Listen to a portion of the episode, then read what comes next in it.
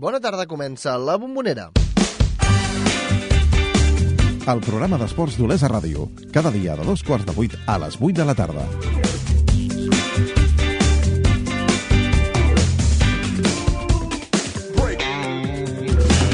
A la bombonera d'avui, dimarts, el que toca fer encara és mirar el que va venir l'últim cap de setmana per l'esport o l'asar. Eh? Com sempre farem, fem els dimarts, de fet repassarem, recordarem els últims resultats que ens ha deixat el cap de setmana de l'esport del nostre municipi i els, els analitzàvem en profunditat i de fet teníem protagonistes, però no només parlarem d'això, sinó que volem parlar també del Mundial de Motociclisme, de MotoGP, d'en Xavi Soler, d'un Olesà que, recordem, ha participat en el Mundial de MotoGP. Però no sobre una moto, sinó formant part de l'equip tècnic de televisió que retransmet aquest Mundial. I volem conèixer amb ell com s'ha viscut aquest Mundial tan intens, tan emocionant i amb tanta polèmica com ha sigut el de la temporada 2014-2015. De fet, l'any 2015, quan es celebra aquest Mundial. Parlarem amb el Xavi d'aquesta qüestió i, com sempre, els dimarts també en tindrà una ambaixadora. Tindrem amb els companys de la xarxa Glòria Comerma, jugadora d'hoquei herba que es troba ara mateix a l'estranger. De tot això en parlarem d'ara i fins les 8. Comencem.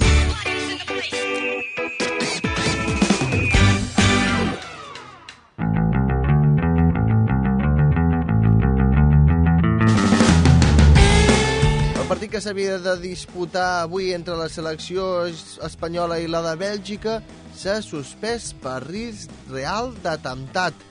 A conseqüència de l'atemptat la, a París del passat divendres, el partit de la selecció espanyola finalment s'ha suspès i els jugadors ja són a Madrid. De fet, arribaven a les 11 del matí a Madrid i aquesta tarda els jugadors del Barça de fet ja s'entrenaran amb els seus uh, companys. Tenien ganes de jugar, diu, l'últim partit de l'any, però han considerat que no es podia garantir la seguretat, un fet doncs, que finalment ha obligat a suspendre aquest enfrontament, com així les autoritats belgues van decidir cancel·lar-los per motiu de seguretat. De seguretat per davant de tot, dels futbolistes també, però sobretot també dels aficionats que podien patir l'atemptat, igual que ho van intentar a l'Estat de France aquest passat divendres en el França-Anglaterra. Per tant, tothom a casa, tothom tranquil, a descansar, que aquest cap de setmana arriba el clàssic dels clàssics, el Madrid-Barça.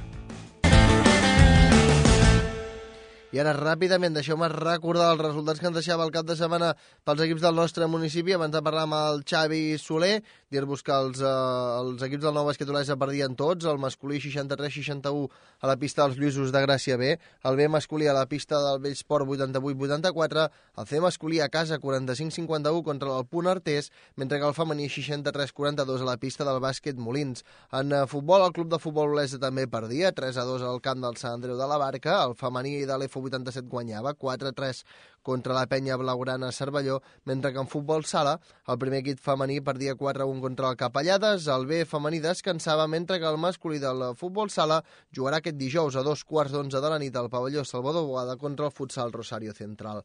En hoquei patins descansava el masculí, mentre que el femení tornava a guanyar imbatudes estant les noies olesanes 0 a 5 guanyaven a la pista del Juncarenc, mentre que en tenis taula, doble victòria a terres basques del primer equip del Bombons Blas i Xola Colesa i per idèntic resultat 3 a 4 dissabte la tarda contra la Tauro, 3 a 4 diumenge al matí eh, contra el Crystal Box Gasteiz. El B de l'entitat olesana descansava aquest cap de setmana per últim en Villar, derrota olesana 6 a 2 contra el Mata de Pere. La Bombonera, amb Joan Pasqual. De dilluns a divendres a dos quarts de vuit de la tarda. La Bombonera, l'actualitat esportiva olesana. La Bombonera, el programa d'esports d'Olesa Ràdio, amb Joan Pasqual. Fa tot just 10 dies finalitzava el Mundial de Motociclisme, diguem-ne un dels mundials més emocionants, amb més polèmica, amb més enfrontaments dels últims temps. Sobretot les dues últimes curses, quan Valentino Rossi, personalment crec que va tirar a Marc Márquez, tot i que hi ha opinions de tot tipus. Però el que volem fer és conèixer com es va viure no només aquest fet, sinó tot el Mundial en si, el Mundial de motociclisme, perquè tenim un olesà, de fet n'hem parlat amb ell diverses vegades eh, durant les últimes temporades, que l'ha seguit al complet. Ha fet, si no vaig mal fixat, en són 16, 16 circuits. Eh, Quants? Ara, 18, Xa- 18. Xavi Soler, què tal? Bona tarda. Molt bé, molt bé. Quants, estem. quants, quants circuits? 18, 18. 18. 18 curses. No, no, n'havien sigut 16 o sempre en són 18? 18, sempre 18, han sigut, eh? que jo recordi, des de que hi sóc fent aquesta feina, n'han sigut 18. Algun cop hi ha hagut alguna baixa i al final han aconseguit fer algun contracte amb algun altre circuit, però han sigut 18. Volen arribar a ser 20 algun dia. Dorna vol arribar a tenir 20 curses, però de moment s'estan fent 18 carreres. Has fet 18 de 18 aquest any? 18 de 18. Perquè a vegades no sempre l'has fet complet.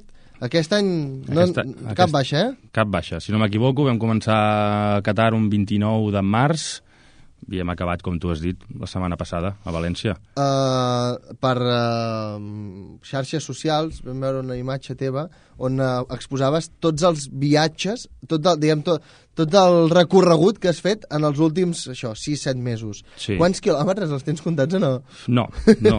Ens donen, amb els bitllets d'avió i les voltes que arribem a fer, ens donen milles amb aquests carnets de punts de les companyies, però no, la veritat és que si ho tinguéssim que comptar entre quilòmetres amb avió i després els desplaçaments fins al circuit, perquè no sempre tenim els circuits a prop de les ciutats on aterrem, molts.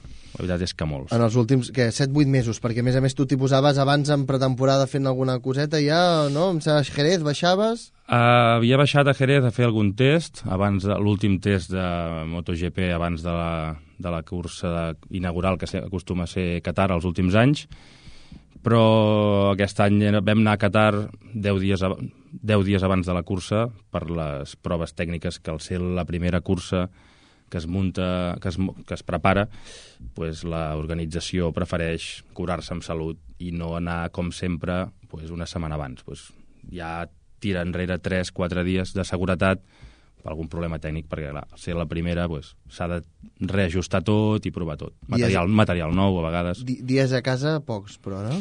Dies a casa, entre març i novembre, ho vaig comptar l'any passat, més o menys, i a fora de casa en són 140, més o menys. 140, 140 dies, dies fora, si contem que són demà... pràcticament 5 mesos. Sí, No? Serien 5 Sí, de- mesos, 150 sí. dies, no? més o menys. Sí, sí. Si n'estem 8 dies caig fora, doncs si els comptéssim tots... bueno, en definitiva, acaba sent una setmana a casa i una fora, Clar. excepte les curses que anem seguits, que és com ara l'octubre, que hem fet les 3 d'Àsia juntes, que hem estat 25 dies fora. De fet, els eh, pilots arriben als, Di- di- al- als grans premis dijous, dimecres? Arriben dijous al matí, alguns dimecres a la nit, just per arribar a la roda de premsa dels dijous a les 5 de la tarda. Vosaltres no hi arribeu el dilluns. Companys que volen diumenge per treballar dilluns, jo viatjo dilluns per treballar dimarts. Ah, perquè els oients ho sabien. Ara parlem del Mundial en si, però quina és la teva feina al Mundial? La meva feina els últims dos anys ha sigut treballar pel canal de Movistar Plus i em, me n'encarrego de portar la il·luminació del plató que muntem a cada país i ser una mica el responsable de, del set de televisió. Que estigui tot en ordre, a vegades fent tasques de regidor, però sobretot portant la il·luminació, perquè s'ha de tenir en compte que la gent potser no se'n donarà compte d'això, però sempre estem a l'exterior i el dia ens va canviant.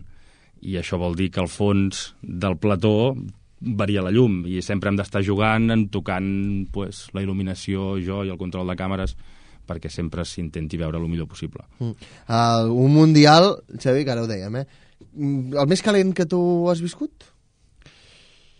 Sí, sí, el més calent que he viscut perquè vaig començar jo el 2008 i jo crec que una polèmica tan gran com aquesta que si jugava un Mundial al Rossi, un pilot espanyol que també es jugava a guanyar-lo, un Márquez pel mig, que aquest any no ha estat suficientment fi com per guanyar-lo i també involucrat.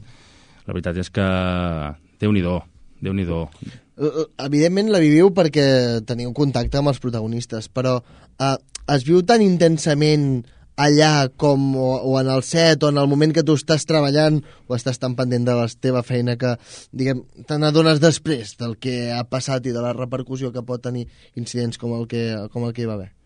Bueno, de seguida que vam veure la cursa i vam veure que ja la cosa començava bastant calenta, sobretot a, a Malàcia, després de les declaracions de Rossi a Austràlia, van començar ja crec jo, una mica més pujats de to ja des de la sortida.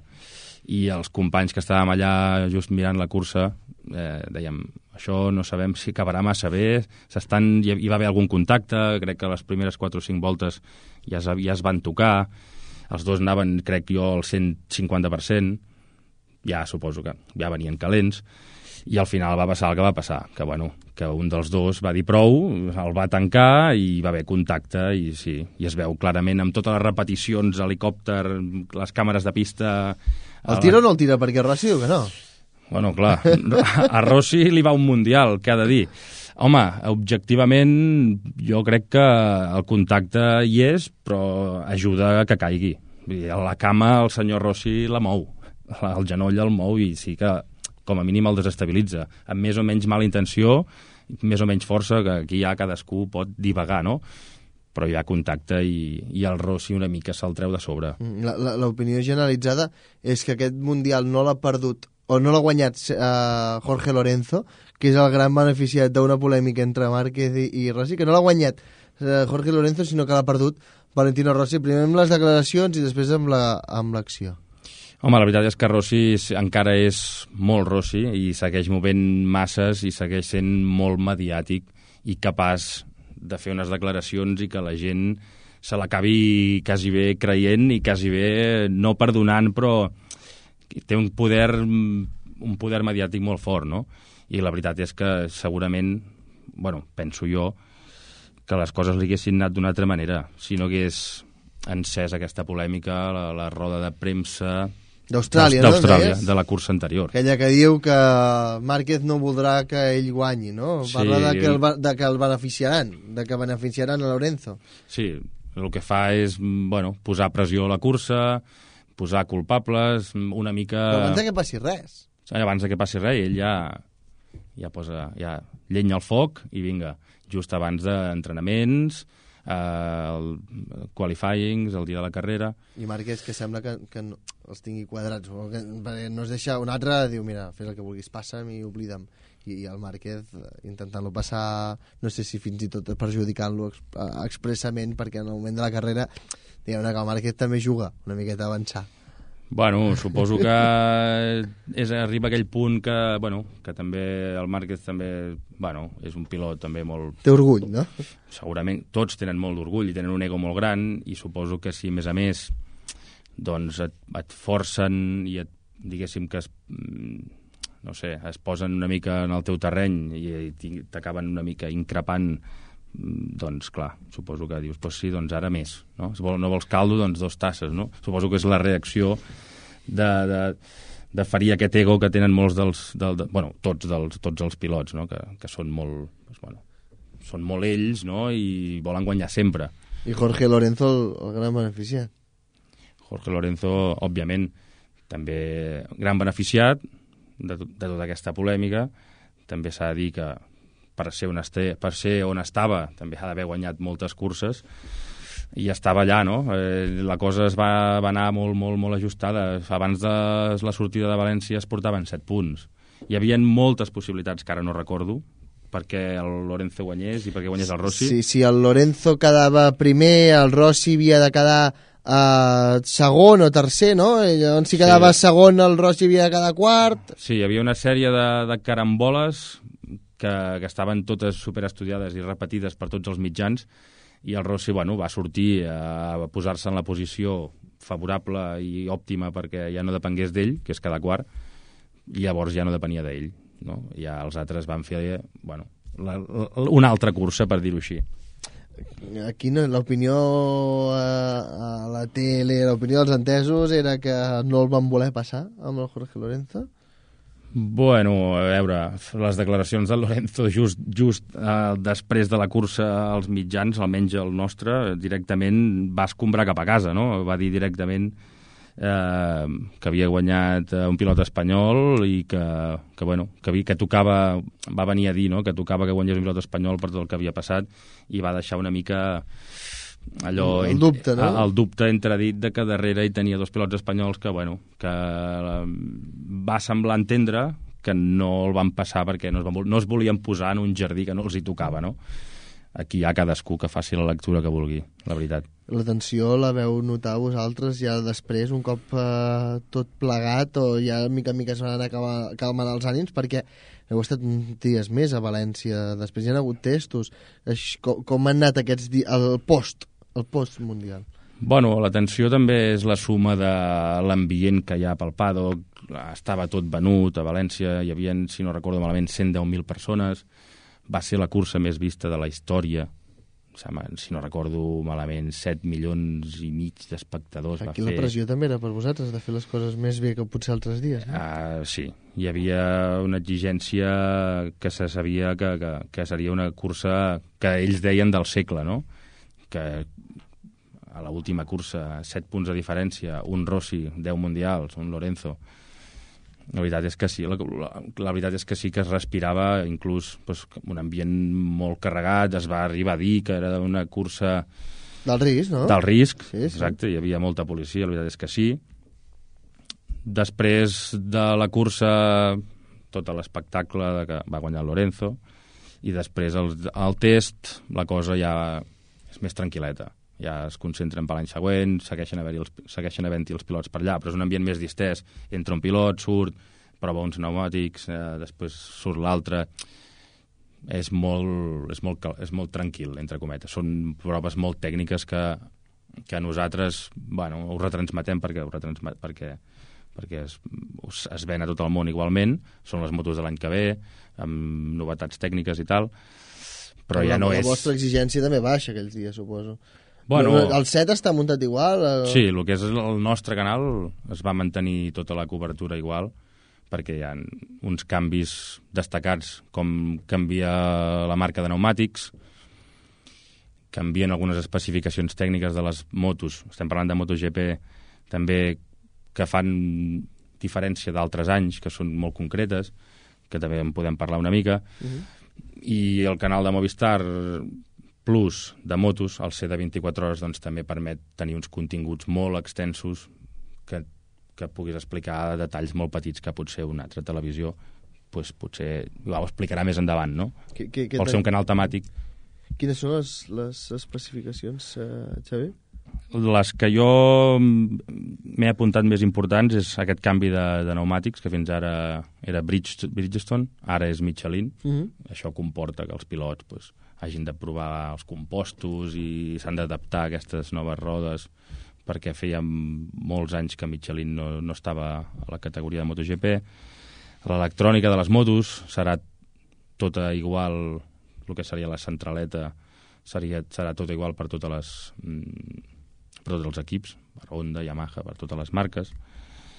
I a, a destacar canvia una mica les, un canvi de llantes una mica més, més grans, però bueno, el que serien rodes, electrònica igual, seria el més important, amb el que ens vam basar més uh, aquests dos dies, a part de pues, algun pilot que també ha pujat a MotoGP, com Tito Rabat, Uh -huh. i, algun, i algun canvi més. Ara, vacances, Xavi? Més o menys, sí, més o menys, més o menys. Els que som autònoms, eh, això de la paraula vacances, eh, sí, uns dies de descans, però bueno, més o menys tots els companys ens busquem una mica aquests, la vida aquests quatre mesos per tornar a començar l'any que ve, que ja a principis de febrer ja hi ha un test de MotoGP, ja, ja tot i així s'ha de preparar material de l'any que ve, s'ha de revisar, portar a reparar aparells que, que d'aquests nou mesos Desgast. desgast, nova màquina, ja, ja l'any que ve es, bueno, es compren, sempre, sempre, hi ha, sempre hi ha innovacions, i ja se sap que el món de la tecnologia sempre va canviant i s'han de treure equips, posar equips nous, provar, etc. Però l'any que ve seguiràs al Mundial, eh, pel que veig. Uh, S'ha d'acabar de parlar, però si no hi ha canvis, sí, tot, tot queda igual. Doncs uh, l'any que ve, per aquestes dates, en tornem a parlar. Perfecte. Xavi. aviam, aviam què podem explicar l'any que ve. Aviam si és un Una mundial cosa una mica més, eh? una cosa més tranquil·leta. Xavi, gràcies. Molt bé, a tu. I després de parlar amb el Xavi Soler, ara és moment de la secció de l'ambaixador dels companys de la xarxa amb Glòria, Comerma, jugadora d'hoquei herba.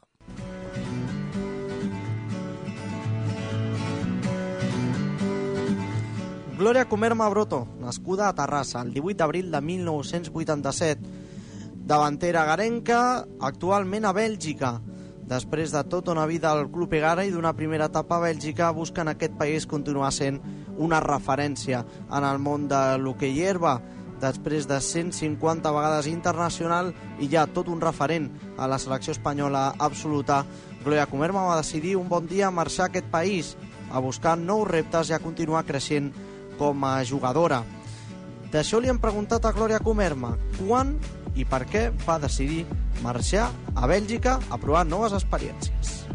Uh, jo vaig decidir un altre cop de tornar aquí a Bèlgica a jugar. Un cop acabada la Lliga a Espanya vaig creure que, que a nivell personal doncs, m'aniria bé fer un any a, a fora un altre cop per a nivell de motivació, a nivell de un altre cop una nova experiència en un altre equip i la meva parella en aquest cas havia de marxar sí o sí vaig trobar un, un molt bon equip amb una bona oferta en general i, i bueno, vaig pensar que, que seria un, un altre nou repte i, i que m'aniria molt bé personalment doncs, de tornar a fer un any a Bèlgica.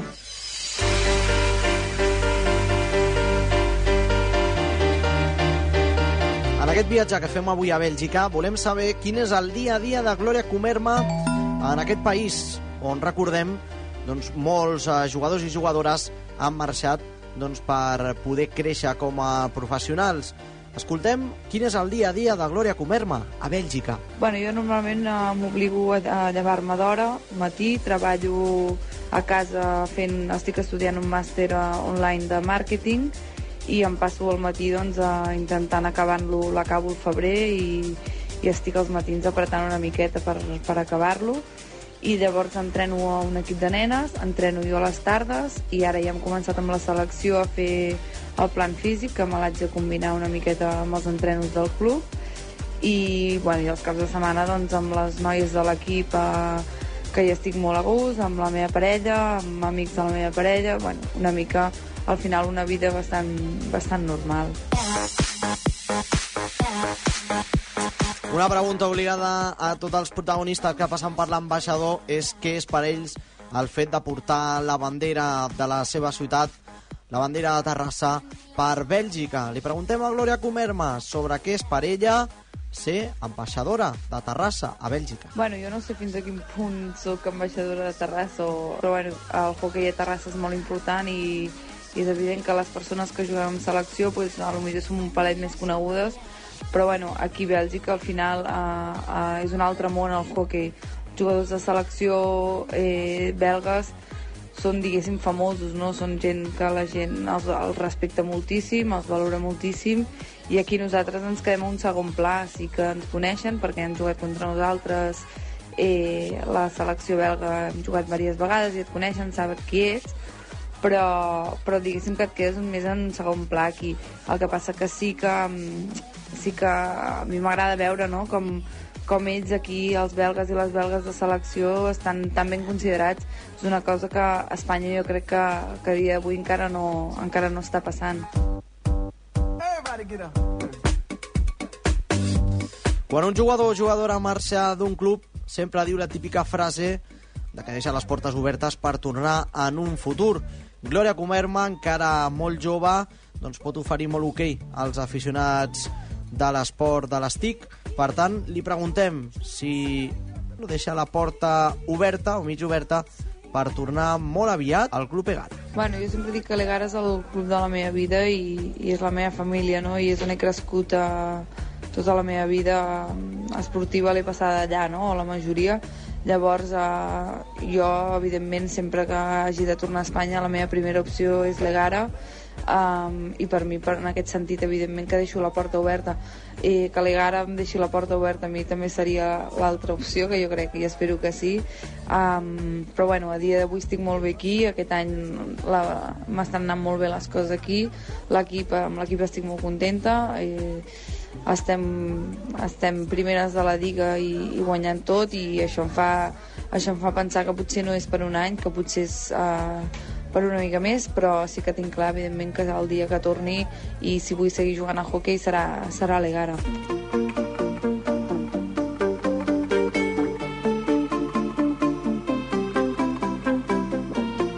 volem conèixer més de prop el hoquei herba a Bèlgica i per això volem saber les diferències entre l'hoquei herba espanyol, català, i l'hoquei herba a Bèlgica. Li preguntem a la nostra ambaixadora d'avui, a Glòria Comer. Bueno, el, jo sempre dic que al final el nivell eh, femení, sobretot, la diferència no és molt gran entre el nivell belga i el nivell espanyol, però sí que ara que estic en aquest club crec que el nivell és un palet més alt aquí, en, dintre de l'equip, i en quant a la lliga, sempre dic que aquí és una lliga potser una mica més física, és molt, molt directe, el joc és molt directe, Espanya és una mica més uh, lent tot, Uh, però per altra banda jo crec que a Espanya ens organitzem millor en temes de defensa. Aquí es defensa una mica pitjor podria dir. I a Espanya el que sempre dic que hi ha una qualitat tècnica que aquí no hi ha però és que aquí tampoc es fa servir aquesta qualitat tècnica. Aquí al final és, és molt físic, és molt passar i córrer i, i t'has d'adaptar a aquests nous sistemes de joc per, per adaptar-te a l'equip no? i per això en aquest sentit jo m'ho prenc com un repte, m'estic adaptant a aquest joc perquè jo també tinc un joc bastant més tècnic que físic i m'estic adaptant una mica en aquest joc, a l'equip i a la lliga. Doncs li desitgem tota la sort del món a Glòria Comerma i que continuï la ratxa de bons resultats a Bèlgica. Seguirem molt de prop el que faci la nostra ambaixadora d'avui, Glòria Comerma, a Bèlgica. Molta sort!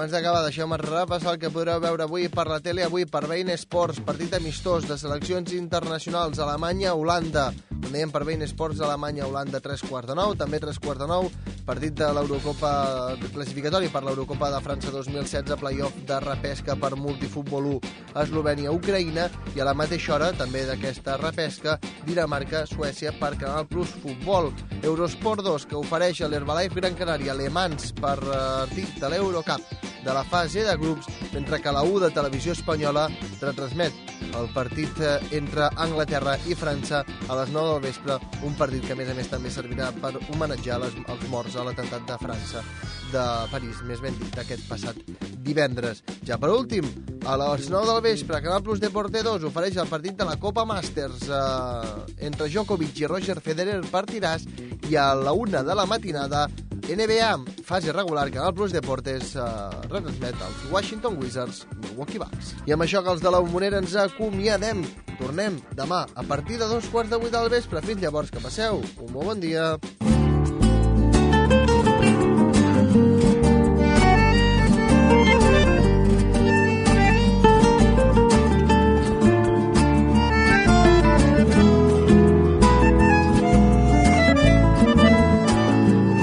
20 años cosidos a retazos de urgencias, disimulos y rutinas. 20 años cumplidos en mis brazos con la carne del alma de gallina. 20 años de príncipes azules que se marchaban antes de llegar. Veinte tangos de Mansi en los baúles. Veinte siglos sin cartas de papá. De González Catán en colectivo. A la cancha de boca por laguna. Va soñando hoy ganamos el partido. La niña de los ojos de la luna, los muchachos de la doce más violentos. Cuando la jona en la bombonera le pide a la Virgen de los Vientos que le levante a Paula la pollera 20 años de mitos mal curados, dibujando dieguitos y mafaldas veinte vidas hubiera yo tardado en contar los lunares de su espalda. Le debo una canción y algunos besos que valen más que el oro del Perú. Sus huesos son sobrinos de mis huesos, sus lágrimas los clavos de mi cruz, de González Catán, el colectivo. A la cancha de boca por laguna. Va soñando, hoy ganamos el partido. La germo que me engaña con la luna, alguna vez le harán un monumento. Los de la barra brava, a mi bostera. Y una ermita a la Virgen de los Vientos, que le levanta Paula la pollera de González Catán a Tirso de Molina que traje. De España a la Argentina, que meneo, que vaivén, que ajetreo, que mareo, que ruina. ¿Y por culpa de quién? Del amor de una mina. ¿Y total para qué? Si al final se por un pibe que le prohíbe a mi ex ir a verme al Gran Rex. Cuando estoy de visita No sea que Paulita se ponga a llorar. al oír su milonga No sea que a Paulita le dé por bailar. al compás de la conga Y vuelva enfermita González Catán. y no se reponga Y se ponga más loca de lo habitual. bendita pollera Menuda bandera para una canción. Aquel año Boca salió campeón. en la bombonera Ninguna bostera se puede quejar, aunque le sobre razón. Sí, pinta remeras con el corazón. y con las caderas Le toca a Palermo tocar el balón. la voz se altera Le toca al gallego tocar este son. para una vocera El año que Boca salió campeón.